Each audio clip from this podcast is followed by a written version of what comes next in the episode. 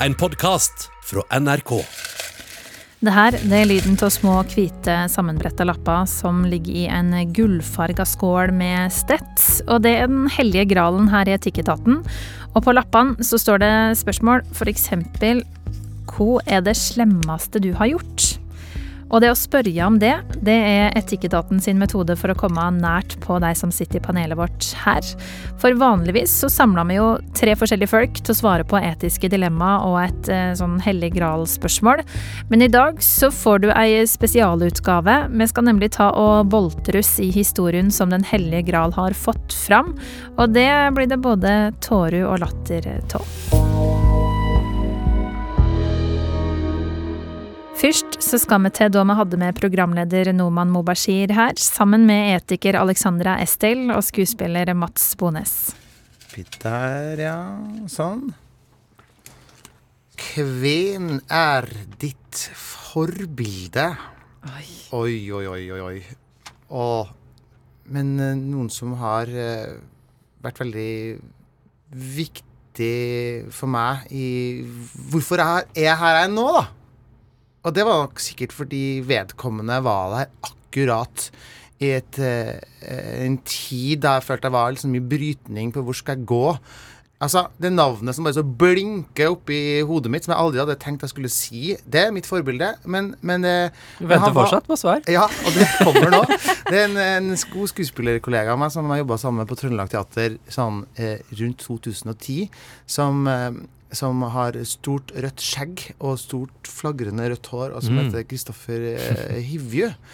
Eh, Hvem er han- det? Nei eh, da. ja, Jeg skjønte du sa det rett med. Eh, men, men altså, han, han er altså en så mangslungen eh, type. Eh, og vi var der, vi var nesten like fersk på teatret. Han kom noen år før meg.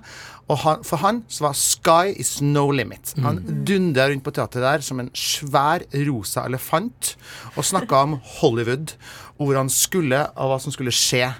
Og, og han lærte meg noe veldig viktig. Eh, hvis du vil oppnå noe, så må du si det høyt. Og det høres ganske enkelt ut, men og han sa det med en sånn overbevisning. Og det jeg ser eh, ti år etterpå, er jo en Kristoffer Hivju som virkelig har fått gjennomført veldig mange av det som var hans drømmer. Jeg vet han er i gang med å gjennomføre flere. Og jeg vet at det inspirerte meg til å gjøre det samme. Jeg begynte da å kopiere en, en forbilledlig eh, måte å oppføre seg på. Og jeg har jaggu ta meg sett at det har dryppa på meg også. Jeg begynte å si høyt Vet du hva, jeg vil skrive og regissere en stor musikalkomedie på Trøndelag Teaters hovedscene. Begynte jeg å si.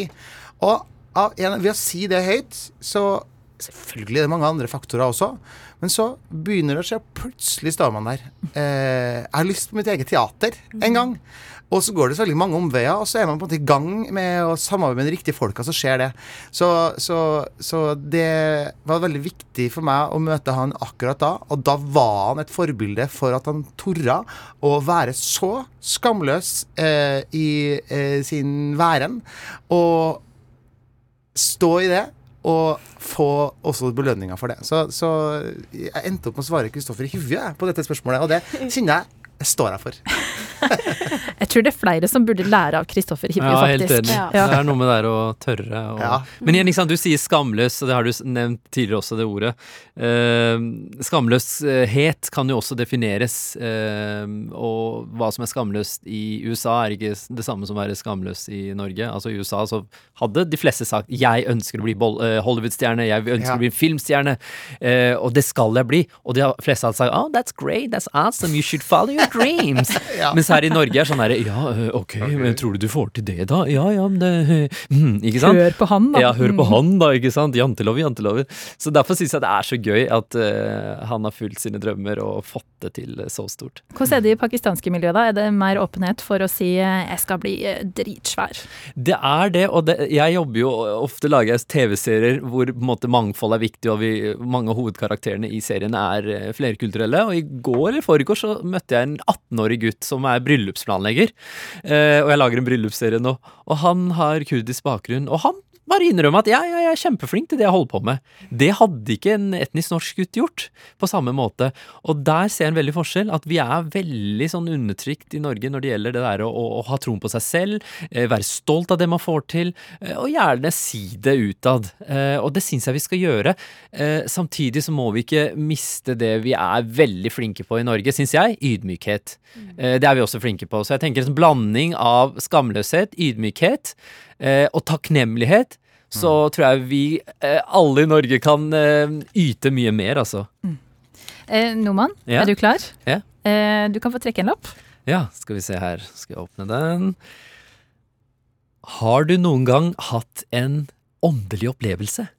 Uh, um, det spørs jo hva er en åndelig opplevelse, men jeg eh, har jo eh, blitt oppdratt i en muslimsk kultur, ehm, og jeg har jo blitt fortalt at du har engler rundt deg.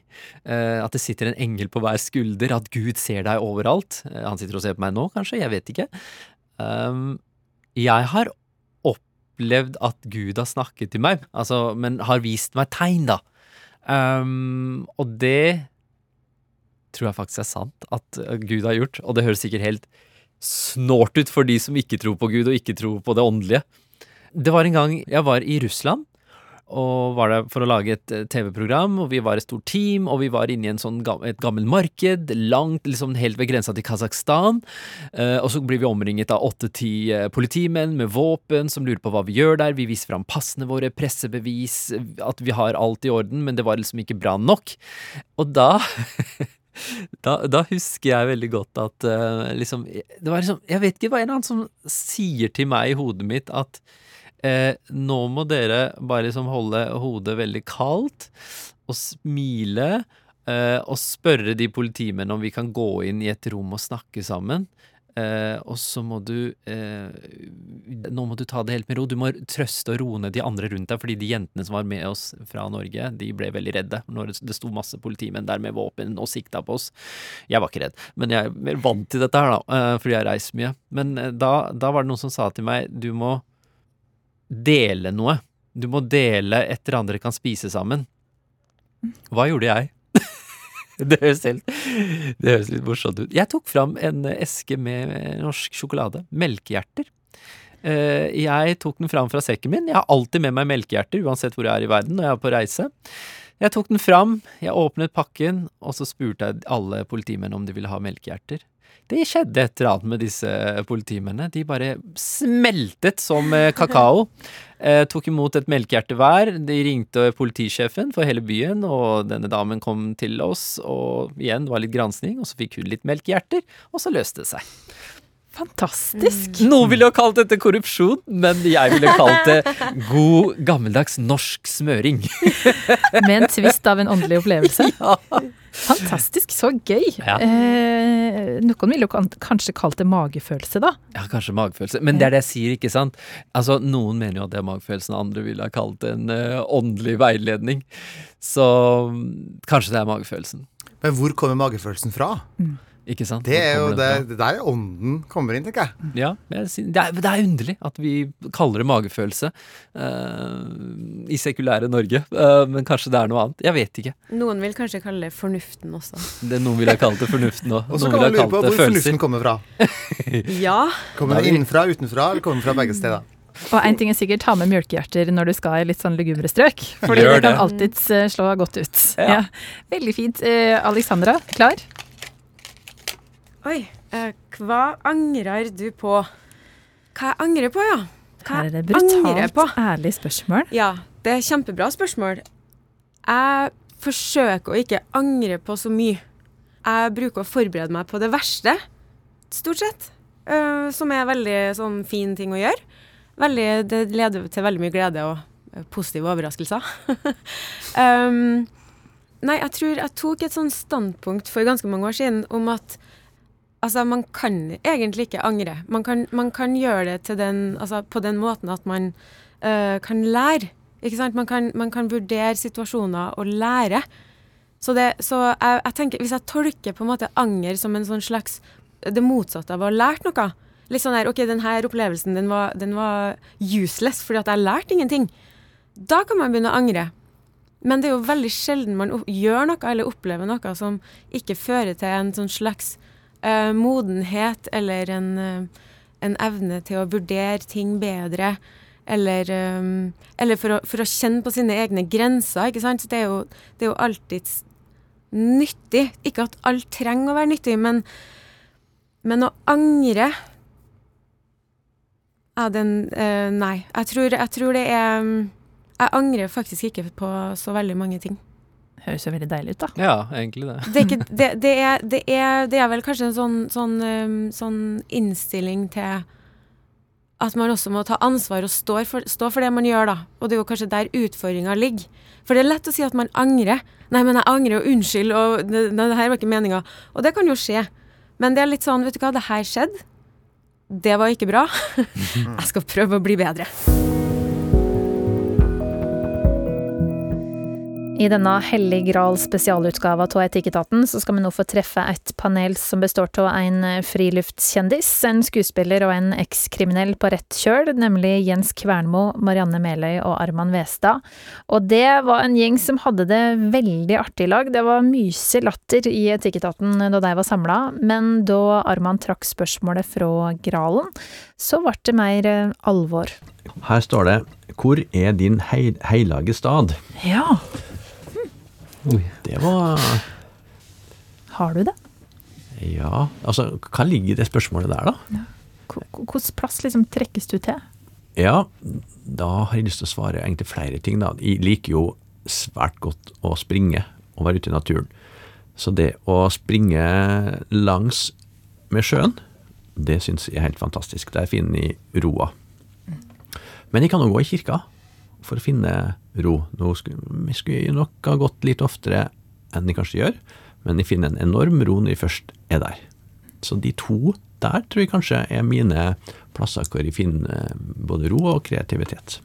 Når eh, oppsøker du kyrkja? Nei, det kan være i forbindelse med spesielt med høytid, eh, men også ellers når jeg har en eh, har tider hvor det kan være litt tunge. Eh, For å hente både inspirasjon og ro og høre på det som blir sagt der. Så fint å ha med to hellige plasser i livet. Ja. Ja, det er nydelig. Fantastisk spørsmål. Wow. Ja. Wow. Og svar, og Jeg svar. føler alle har sånn. Det er jo sikkert du òg. Ja, jeg vet akkurat hva som er hellig for meg. Det vet du òg, Jens. Kan hende vi har litt det samme. Kanskje, kanskje samme plass? Nei. Nei. Men kan, du ikke, kan du ikke la ballen ligge, ligge der? Marianne? Du, eh, hellig betyr jo at det er noe man ikke kan krenke. Hva er det jeg mener ikke skal tråkkes på? På et vis, da. Eller da jeg kjenner at det må dere aldri ødelegge. Det er hellig for meg. Det, det, altså, der har jeg ingen humor på en måte. Det er det, det er å ødelegge natur. Sånn at, eh, og arter og sånn. Så jeg har et par sånne hellige plasser på Melløya, den bitte lille øya jeg kommer fra i Vesterålen, så er det sånn strand der kommer Der det, nå begynner jeg å gjøre stemme og sånn, for at det er Der åpner noe seg, noe sånn voldsomt. Og det er en sånn eh, katedral, da. Og eh, tanken på at noen, eh, når vi ødelegger for mye der, da har jeg ekte sånn natursorg. Og økosorg som jeg driver og sliter med for tida. Så jeg kjenner at det er noe Det, det er mange rom nå i naturen som er Jeg, jeg går nå i en Nesten på en annen måte enn før. Sånn, med en sånn hellig Dette må dere aldri krenke. Det andre er barnelatter. Plasser der det finnes barne, ekte barnelatter, sånn som i Vresvik-låta av den der Karl Johan. Så hører du sånn unge på slutten som er sånn Ja. Så tenker jeg, de plassene der det blir ødelagt, og det er ganske mange plasser der man sier til unger at det ikke ikke flir, ikke Eller sorgen og krigen og grusomhetene gjør at det fins ingen barnelatter. Men der barneekte latter fins, det er hellig. Og det er min hellige plass. Og det er sjeldent.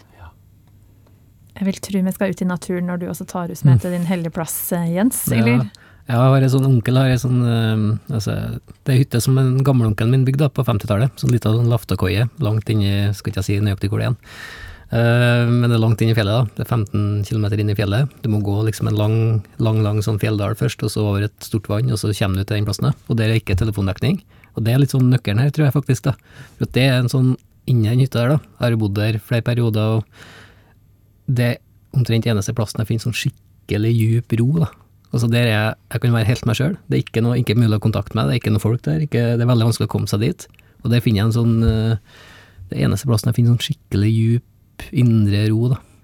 Og den plassen den skal må jeg beholde. da. Jeg husker jeg tok med en journalist dit en gang, og det var en kjempetabbe, da. Ja. Det var veldig dumt. Ingen skal trampe inn Nei, der. dit må liksom Det er kun liksom nærmeste venner og familie, da. Hvor lenge kunne du vært der sammenhengen uh, uten å se folk? Ja, altså jeg bodde der tre måneder en gang uten å se Da fikk jeg besøk, da, et par ganger. Men bortsett fra det, da, så så ikke jeg noen andre mennesker oppi i fjellet her, da. Med en hund? Med hunder, ja. Ja. Alle hundene var med. Så Ja. jeg bodde der en vinter, da. Hvis jeg endrer spørsmålet til aleine uten hund, da? Nei, jeg prøvde jo, det går ikke. Nei, ja, det er ikke, det er ikke Jeg har vært noen uker uten hund, men det, da er jeg fem uker, tror jeg. Nå snakker du jo ikke høyt, sikkert. Jeg er ikke heller. Jeg, altså, jeg har jo utvikla en sånn egenskap at jeg går rundt og, og prater med meg sjøl. Det er jeg tror det er en sånn underbevisst sånn sosial stimuli vi trenger. da. Så jeg, jeg går rundt når jeg er på lang tur. da. Det begynner, begynner etter noen uker. da. At jeg begynner å mumle og prate med meg sjøl. Så utvikler det seg til at jeg har samtaler med en fiktiv person. da. Ja. For at jeg prater om ting jeg interesserer meg for, eller lurer på eller hva skal vi gjøre nå, og så skal vi, skal vi padle over, eller skal vi slå leir her, og sånn. Da kan jeg ha sånne samtaler. Vet du hvem den personen er, eller Det kan være forandrer alt mulig rart. Altså folk jeg har møtt, eller eh, Ja, nei, det kan være Sånn som hvis jeg skulle hit nå, for eksempel, så kan jeg se for meg at jeg, hvis jeg satt alene på hytta, da, så kan jeg se for meg at jeg satt og diskuterte liksom noen etiske dilemmaer. da. jeg vet ikke om det er bra eller Jo, det er er Ja, kjempebra. det er kjempefint. Du øver jo i hodet. Ja, jeg gjør på et vis det. Og så med hundene, da. Prater veldig mye med hundene. da. Ja. Det liker jeg, da, for at jeg, jeg vinner alltid diskusjonen, liksom. Ja, ja. De, de kommer jo aldri de, de, Tror du, ja. Ja. ja, jeg vet hvordan det egentlig henger opp. Det er jo egentlig det, er dem som er sjefen. Det er faktisk det, altså. De bestemmer. De kommer med noen sånne fine øyne noen gang, og så bare ah, Ok, da, så er det Så jeg smelter av det. der Ja, det er helt tøttest. Men det er sånn det skal være, tenker jeg. Det er hundene først.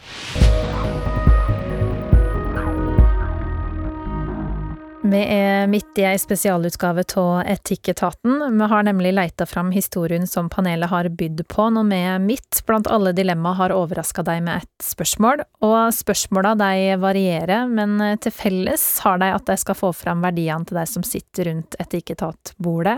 Og nå skal vi til en ærlig gjeng, må vi kunne si. Komiker Erlend Osnes, psykolog Svein Øverland og mattelærer og villmarking Hannan Abdelrahman. Og i beste covidon så var det jeg som trakk en lapp opp fra Den hellige gral, og der sto det altså «Hvor kan få det til å miste huet?» Og spørsmålet det går først til Svein. Nei, altså eh, metaforisk er å miste besinnelsen du tenker på, da. Ja. Og gjøre ting.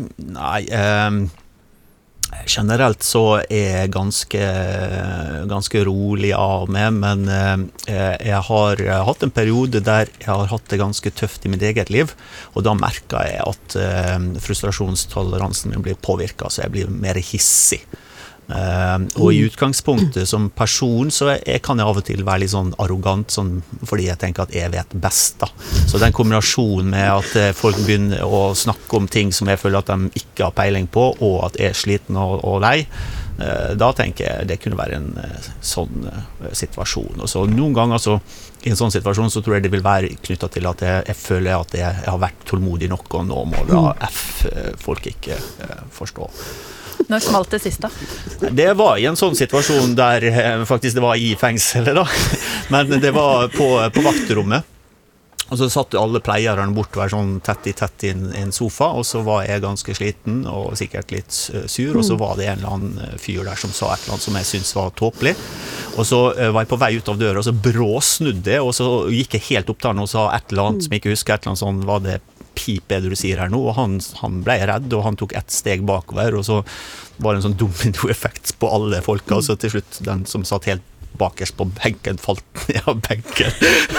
så det var jo litt sånn komisk eh, situasjon, da. Men eh, eh, jeg sa unnskyldning etterpå, da, og, og, og folk eh, hadde forståelse for det, for jeg tror de forsto at jeg egentlig burde holdt meg hjemme. Så, ja. det, I psykologien så sier vi forskjell på sint som en følelse, og aggresjon som en handling. Så hvis du blir sint, så er ikke det noe gærent. Det er fint å være sint. Eh, Men vi skal ikke gå rundt og slå og drepe folk. Mm. Det er ulovlig. Ja. Eh, Erlend, når, eh, når mista du huet? Jeg, jeg, jeg, jeg mister hodet rett ofte.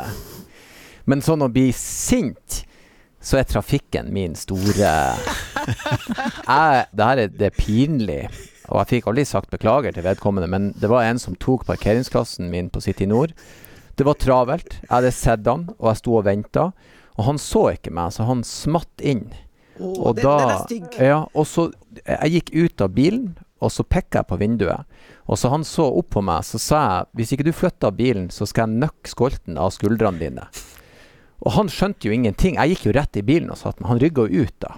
Men det kona mi sa sånn her, alvorlig talt, eh, det der må du slutte med. Og det var så flaut etterpå, når jeg på en måte fikk Fikk samla trådene, for han så meg ikke. Han, eh, det var en, en, et uhell. Og da har jeg faktisk sagt at jeg skal rive hodet av noen, og det kan man ikke gjøre. Jeg, jeg kunne aldri ha tenkt meg til å, å rørt noen eller skada noen, men jeg skader med, med munnen. Jeg sier ting. Jeg er komiker. Jeg kan bruke ord, og av og til så går det over styr. Jeg vet ikke hvorfor det er sånn. Jeg er veldig fornuftig. Hvis vi har diskusjoner hjemme med ungene eller i familien, eller sånn, da er jeg veldig sånn OK, la meg tenke gjennom det her. Men i bil så blir jeg om til en rakett. Jeg vet ikke om kanskje psykologen har noen forklaring på det. Jeg blir bare så sint. Eh, Eller noe råd? Ja. jeg, jeg tror du må treffe mannen min. eh, Jeg tror det blir gode venner. Eh, Jeg kjenner igjen noen trekk, eh, psykiske trekk da. ja, riktig. Riktig. Hvor kan Erlend si det seg sjøl det, Svein, før han banker på ruta og si at han skal kappe huet på noen? Nei, jeg tenker det der må han bare fortsette med. Jeg tror ikke noen tar noe skade av det i det hele tatt. Og hvis han føler seg bedre etterpå, så desto bedre, tenker jeg. Er det ikke bra du bor i den landsdelen også? Jeg føler at der tåles det mer enn eh, hvis du hadde vært i Kristiansand, Ja, jo da, eh, jo da. antageligvis. Jo da, det er, ikke, det er ikke uvanlig at sånne ting blir sagt, og det blir tatt med en sånn Æh, hvem som bryr seg? Men eh, det er jo litt pinlig i etterkant, det må jeg jo ærlig innrømme. Nei, hvis Svein sier fortsett, så skal jeg gjøre det. Gjør det. Stå på. Så det er godt å høre fra psykologen. Eh, Hanan, eh, Ja. når mister du eh, huet? Eh, Jeg er faktisk veldig tålmodig person.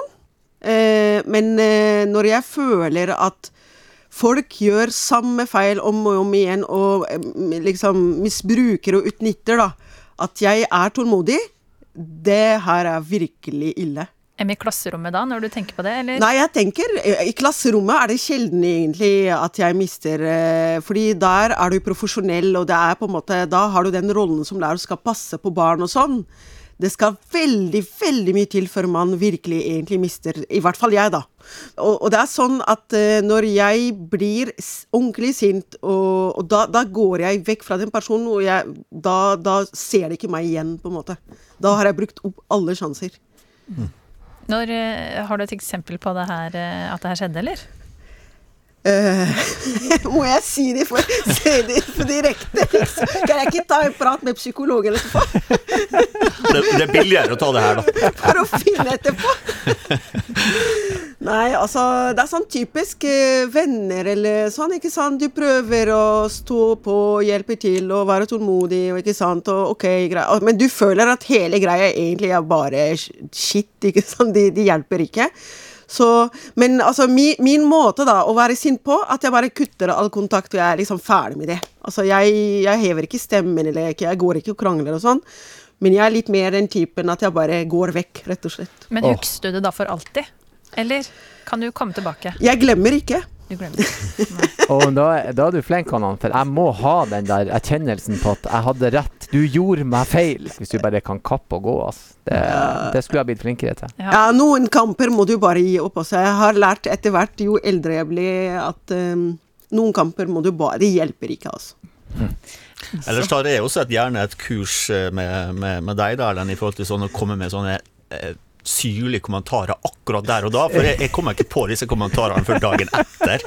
Og det, da er det liksom litt for seint, da. Så der skulle jeg gjerne ha, ha, ha lært litt, da. Jeg har et lite sånn arsenal av Ja, ting man kan si. Jo, jo. Trafikkurs, det skal jeg ha med deg. Vi får legge ut noe et eller annet nå når det er koronatider, på sånn nettkurs i hvordan uttrykk Jeg skal nøkke skolten av det. Den skal jeg ta neste gang. Hvis de forstår hva det er for noe, da. Det kan Hvis du sier 'skolten av skuldrene', så får du bokstavrim. Skolten av skuldrene. Det høres fint ut.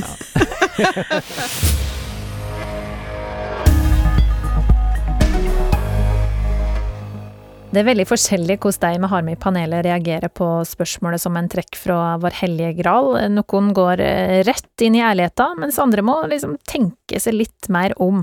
Og det kan jo være godt å sitte rundt bordet med noen som er kjappe i kommentaren, når en sjøl trenger en liten tenkepause, sånn som da Kenneth Kjelsnes fra Human-Etisk Forbund og Ingrid Rosendorf Joyce fra Samarbeidsrådet for tros- og livssynssamfunn satt eh, i lag med alt mulig kulturkvinna Linn Skåber.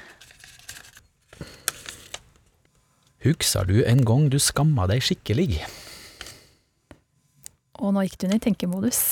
Jeg føler jeg leste opp, jeg, så Ja. da kan jeg sette over til noen andre. Ja, ja, okay. du, du, ja, men det gjør det, at Jeg setter over til meg, Kenneth. Ja. Ok. Eh, det er så morsomt det med, med, med, med skam. Det har, jeg, det har jeg tenkt mye over og skrevet mye om. Eh, jeg har sagt dette her at som skuespiller og forfatter, da, som jeg er da, og da har jeg brukt alle følelsene i mitt liv.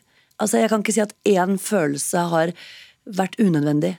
Det har vært alt fra dyp sorg til forelskelse, til latterkramper, til tristhet, til ensomhet.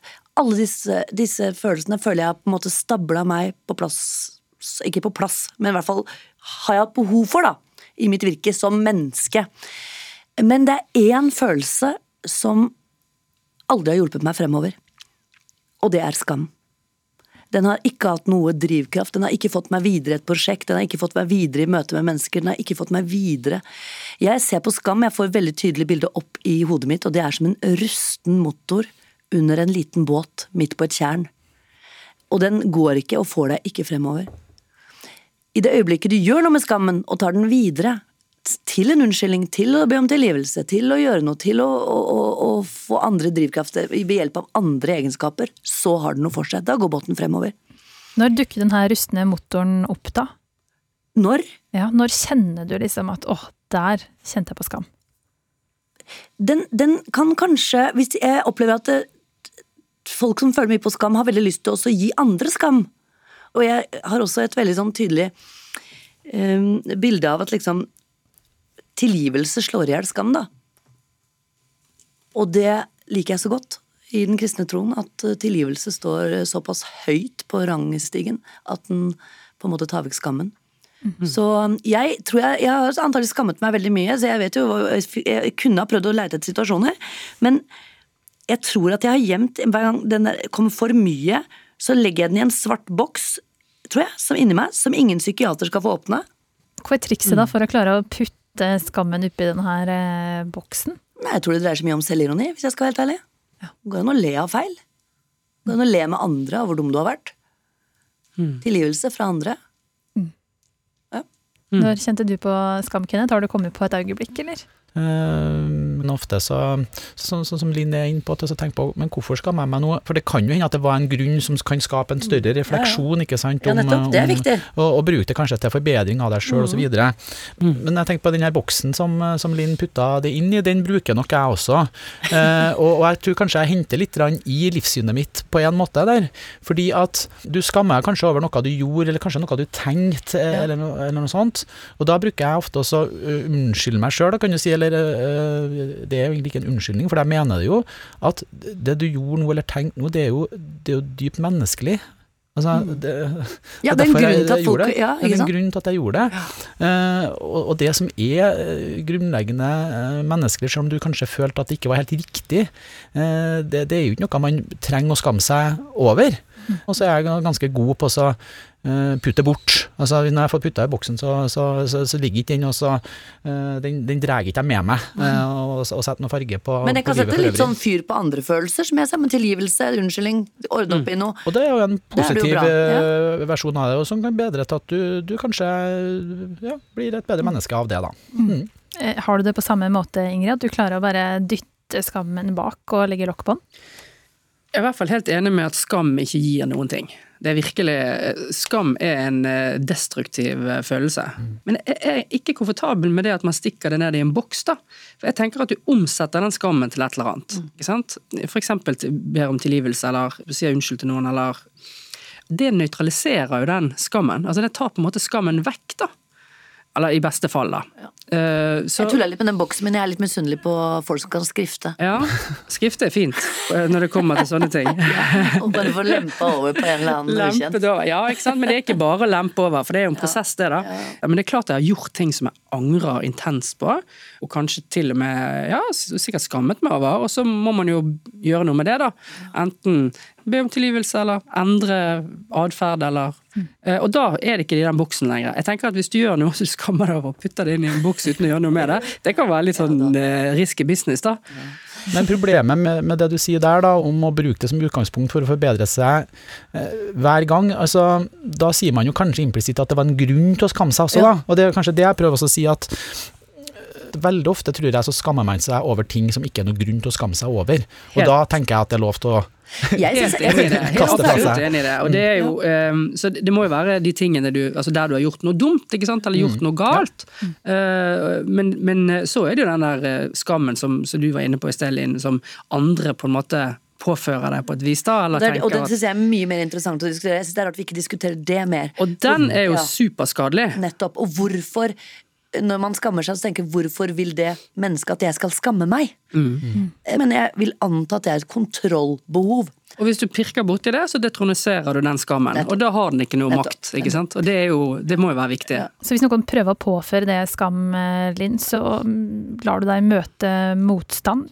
Eh, Jeg husker at jeg, jeg kom på Spellemannsprisen, og så hadde jeg ikke skjønt hvor kjent jeg var, på en måte. For det var akkurat da jeg hadde fått jobb i Nytt på Nytt. da. Så når jeg kom på en sånn rød løper hvor jeg trodde jeg bare skulle gå forbi, så så jeg plutselig at et sånt berg med journalister som du bare ser på film, liksom, sånn reiser seg og klatrer oppå hverandre og sånn for å ta bilde av meg. da, sånn at det var sånn treetasjers eh, Og så spør de meg sånn 'Linn, hvorfor er du her?' og 'hva gjør du her?' og sånn. Så sa jeg sånn ehm, mm, mm, 'Hvorfor er jeg her? Jeg har ikke noen grunn til å være her'. Eh, jo, jeg, jo, jeg har ligget med mange musikere, sa jeg. Takk, det synes jeg så var gøy.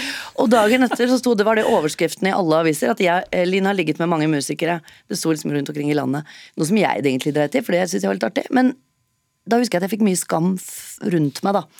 Hvem er du? Er du klar over hvor folk kan skamme seg rundt deg? Og uh, tenk på uh, når du skal hente sønnen din i barnehagen, og tenk hva du har sagt. Og mye De vil plassere skam. Så jeg ringte til moren min da, og sa liksom bare herregud, nå må jeg bare si at nå føler jeg meg så dritt. Altså, jeg sa i går at jeg har ligget masse musikere. Så jeg er plutselig på, på, på, foran masse fotografer og sånn. Og så ble det stille et øyeblikk, og så sa hun det er det morsomste jeg har hørt. Nei, du er ikke sann. Fant du på det der og da? da elsket jeg moren min så, for å bare skrelle vekk skam, og jeg tenkte det står jeg så mye for. Jeg har ikke ligget med så mange musikere, altså, men det var liksom litt morsomt, da. Nei, du, fant på, du fant jo på akkurat der og da. Det skreller bort skammen. Man ler, man ler av seg sjøl, ikke ta seg selv så høytidelig. Det at fotballsesongen nå er i gang igjen, det markerte vi med en fotballspesial her i Etikketaten, da vi inviterte med fotballkvinners kriger Karen Espelund, psykolog og verdens største og mest diskré Rosenborg-supporter, psykolog Nicolai Kahn, og Tete Lidbom, som har intervjua fotballhuer i podkasten Heia fotball i årevis. Og Tete han fikk lov til å trekke på vegne av alle tre. Det her det føles Føles som- det ansvaret? Ja, det gjør det. Eh, har du opplevd et mirakel? Hva er egentlig definisjonen på et mirakel? Det, er jo klassisk da at jeg er programleder selv, så jeg bare stiller spørsmål tilbake, men eh, Kjøpe det tid, så er det det du driver med? Ja, kanskje det er det jeg gjør. Ja.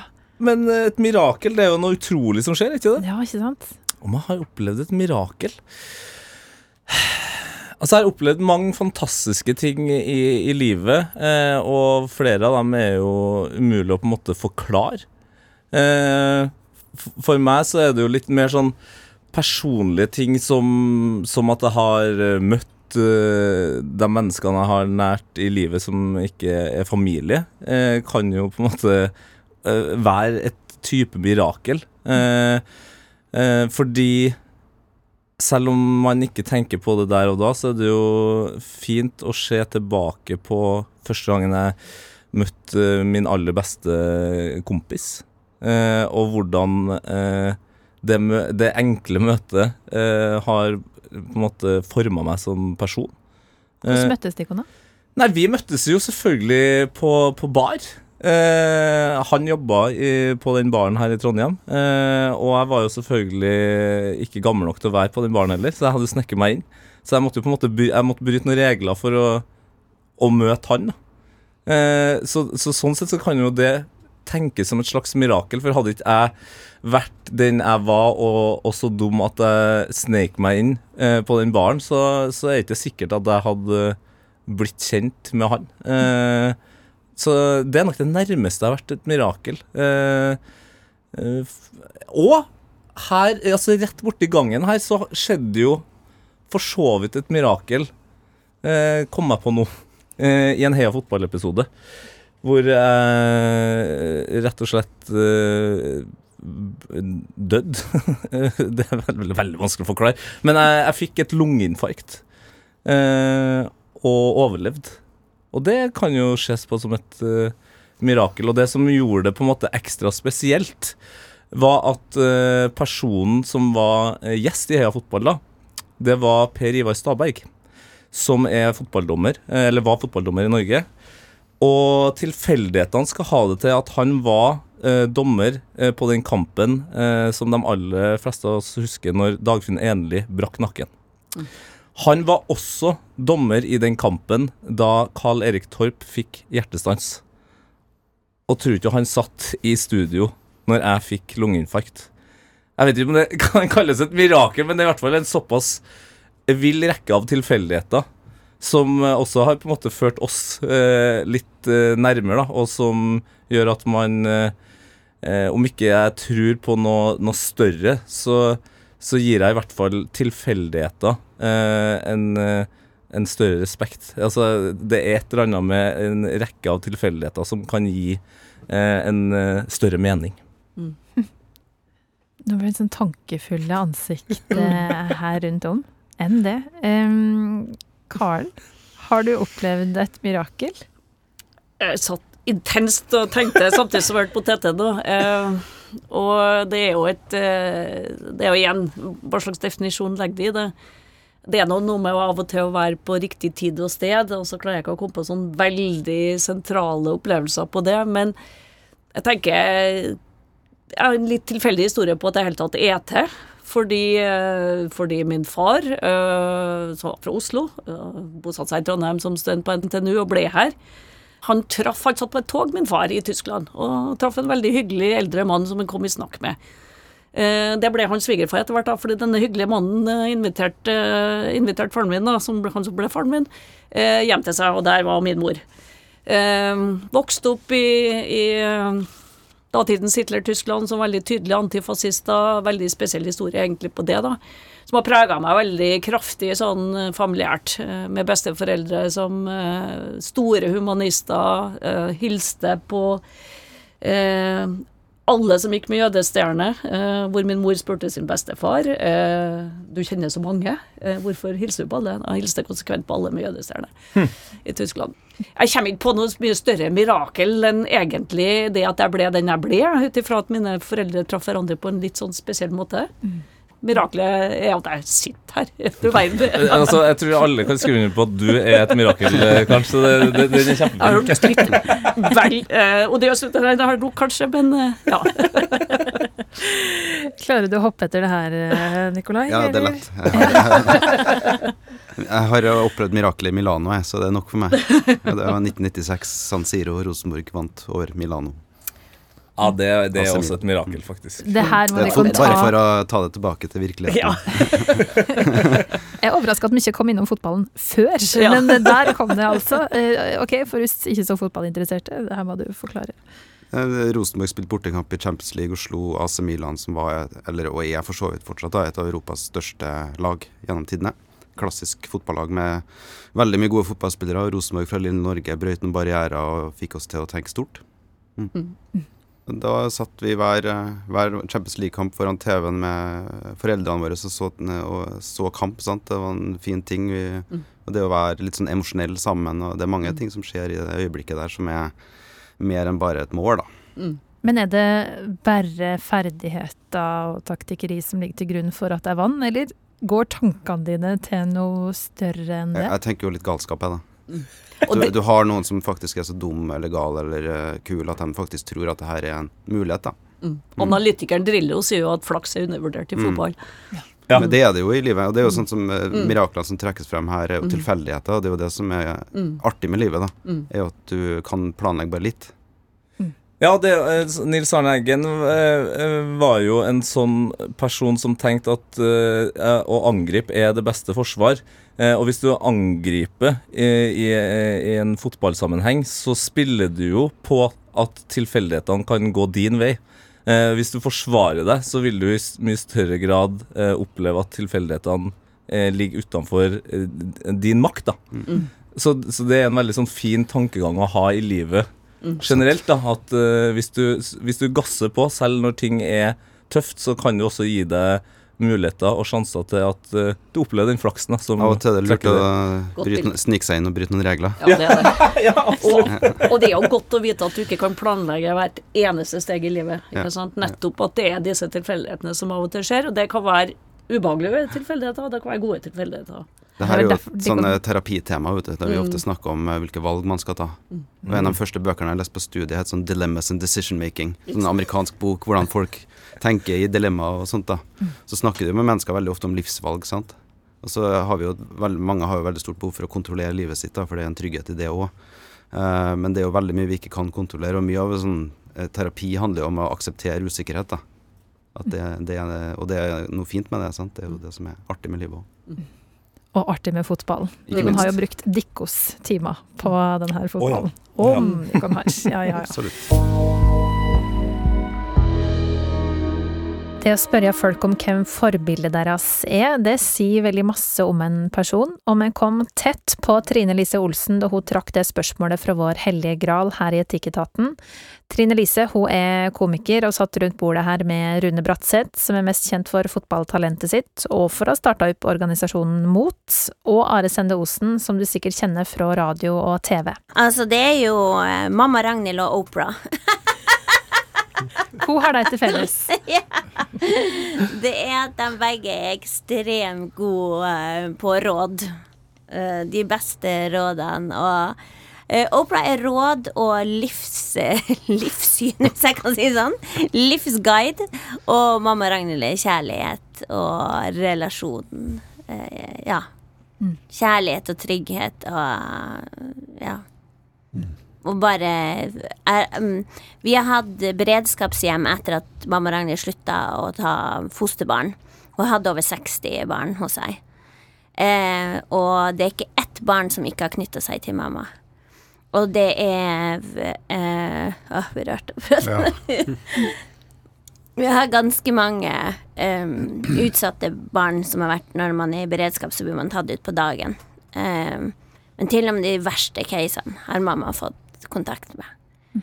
Og um, det er helt unikt verdt å få sett det først, altså førstehånds, og bare få se hvordan bare Og med å være gjennomsyra god. Og hun, hennes motto er 'gi barn kjærlighet, så ordner det meste seg'. Og det, er- det har jeg fått sett førstehånd, og det er helt, helt Der blir jeg religiøs, for å si det sånn. Det gjør meg religiøs. Høres ut som ei som har en fantastisk kraft. Hun har en sånn kraft, og så tror jeg det er sånn her bare Du bare vet at hun vil deg vel. Det er, det er ingen som tviler. Ikke engang et lite barn som kommer inn og har opplevd det verste, bare til, knytter seg til henne. Har hun vært eh, fostermora di òg, eller? Ja, hun, ja. det er hun jeg kom til. Og hun sleit med meg i to år. Jeg kom dit da jeg var ni. Fra Ni til elleve så var jeg et mareritt. Men eh, etter to år så så fant jeg henne gråtende på senga, og da sa hun vet ikke hva jeg skal gjøre med deg'. Jeg bare 'Send meg videre'. Hun bare 'Nei, du skal bli her hos meg'. Og siden da så har vi liksom vært oss to. Og det var Ja. Og så bare fått sett og tatt imot hennes kjærlighet, liksom. Ja, verdens beste forbilde. Bare kjærlighet. Bare godhet. Bare fint. Mm. Rørende historie, må jeg si. Ja, hun er, altså, hun er så fin. Vi hadde en liten baby som kom, og da kalte vi henne for Pia, fordi at vi ville ikke gi henne navn, eller mamma da, ville ikke gi henne navn, så vi kalte henne for Pia, for da er hun jo jente. Uh, hun var der i ni måneder, altfor lenge enn det en baby skal være, men det er ikke så lett å finne fosterhjem. Så hint, hint, hvis noen vil være fosterhjem. fosterhjem.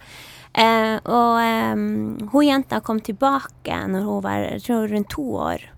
Eh, fått en nydelig familie. Eh, hun ligner så mye på storesøstera at alle sammen tror at de er eh, biologiske søsken. Når hun kom tilbake, så var hun litt sånn skeptisk til mamma, og så plutselig bare lukta hun. Og så bare kom hun helt inntil. Mm. For hun bare kjente igjen lukta av mamma Ragnhild. Så skjønte hun at hun var Ja. Tror, Og det er en kraft der. Jeg tror alle har fått et nytt forbilde. Ja. Etter å ha hørt den historia der. Det var bra du fikk det Ja, spørsmålet. jeg tenkte det sånn. Jeg, jeg, har ikke vært, kunne vært i nærheten med noen sånn historie. Og, det er viktig at sånne blir løfta opp og frem, og hvor viktig det er at noen uh, ofrer seg. Eller, uh, du, du får sikkert mye igjen for det også, men det, det krever jo mye. og at uh, ja, Det er behov for sånne mennesker i Ja, verden. ja. Vi, var- vi, hun fikk jo kongens fortjenstmedalje, og vi satt jo ved siden av kongen sjøl. Og da har vi så oppdaga at hun skulle sitte ved siden av kong Harald. Og da stivna hun helt, så jeg måtte dytte henne inn de siste meteren inn og sette seg ned. Og alle sammen tok sånn runde om eh, hva de hadde gjort for å få den fortjenstmedaljen, og så kom det til mamma Ragnhild. Og hun er så sjenert, så hun bøyde seg helt inntil kong Harald og sier Nei, jeg har nå bare jobba med fosterhjemssaken. Og så må jeg gjenta til de andre, for hun snakker så lavt, så hun har bare hviska til, til kongen. Så sier jeg nei, hun har jobba med fosterhjemssaken. Ja, det er bare det, sier mamma Ragnhild. Så sier kong Harald. Det er ikke bare det, Ragnhild. Du har hatt over 63 barn. Og da bare Bare kongen. Da var han konge. Så utrolig fortjent Ja, det var så fint. Mm. Mm. Ja. Men jeg tenkte jo egentlig å sende ballen Ja, eh, videre, da. Rune. Men jeg kan gå til, kan gå til Are. Are først. Altså, forbilder kommer jo i alle mulige eh, farger og fasonger. Nei, Eh, det, hvis jeg skal begynne å si noen ting nå, så kommer det, kommer det til kort. Nei, jeg har jo Oprah også. Herregud. Vi har masse forbilder. Det er jo det som har forma oss. Det er jo dødsbra. Ja, nei, jeg, jeg, jeg, jeg velger å avstå fra min tur eh, i det her selskapet. Jeg syns ikke eh, jeg har Det er mange som jeg liker, og eh, Men jeg kan ikke liksom stille opp med 60 barnehjemsbarn her. Det, Nei, men det er jo mammaen min og pappaen min og samboeren min og søsknene mine, og jeg har mange gode venner, og så er det noe folk jeg liker av musikere og forfattere og Jeg har heller ikke noe å stille opp med, med der. Altså, jeg, tenker jo fort, jo jeg, jeg, jeg, har, jeg har nevnt i, Jeg har fått spørsmålet før, og da Ja. nevnte jeg bror min, faktisk. For han Ja. gjorde litt av de samme tingene Mm. med å åpne hjemmet, hjemmet sitt for eh, Han jobba jo med forebyggende i, i politiet, og åpna hjemmet sitt for en del jenter som sleit. da, og, Mm. og han, han ble faktisk årets medmenneske for noen år siden. her som Men det er så mange sånne folk som man ikke vet om, fordi at de bare gjør det. Og sånne her mennesker er sånn som du sier, men de skulle vært hylla mer. Fordi at det er sånne folk som hver dag gjør denne jobben som ingen på en måte ser hvis ikke det er noen som sitter på radioen og hyller dem. Fordi at det er mange mamma Ragnhild der, og det er mange som bro- broren din, og det er masse fine forbilder ute i, i, i samfunnet. Mm. Og du som har starta Mot, du er forbilde for kjempemange. Og redda livet sikkert til veldig mange. Så det, det er masse folk hver dag som gjør gode, fine ting der ute. Mm. Og det må, må, folk må aldri undervurdere eh, det de kan gjøre for andre. Jeg husker alle som har vært gode med meg på min vei. Absolutt alle. Og det var det fra Etikketaten i dag. Vi er tilbake neste uke med et nytt panel. Da skal vi ha konfirmasjonsspesial, og et av dilemmaene som panelet skal bryne seg på, det er er det greit å servere alkohol i en konfirmasjon. Hvis du vil høre flere episoder av Etikketaten, så finner du det i appen NRK Radio. Jeg heter Kjersti Anderdal Bakken, og vi høres. Du har hørt en podkast fra NRK. Hør flere podkaster og din favorittkanal i appen NRK Radio.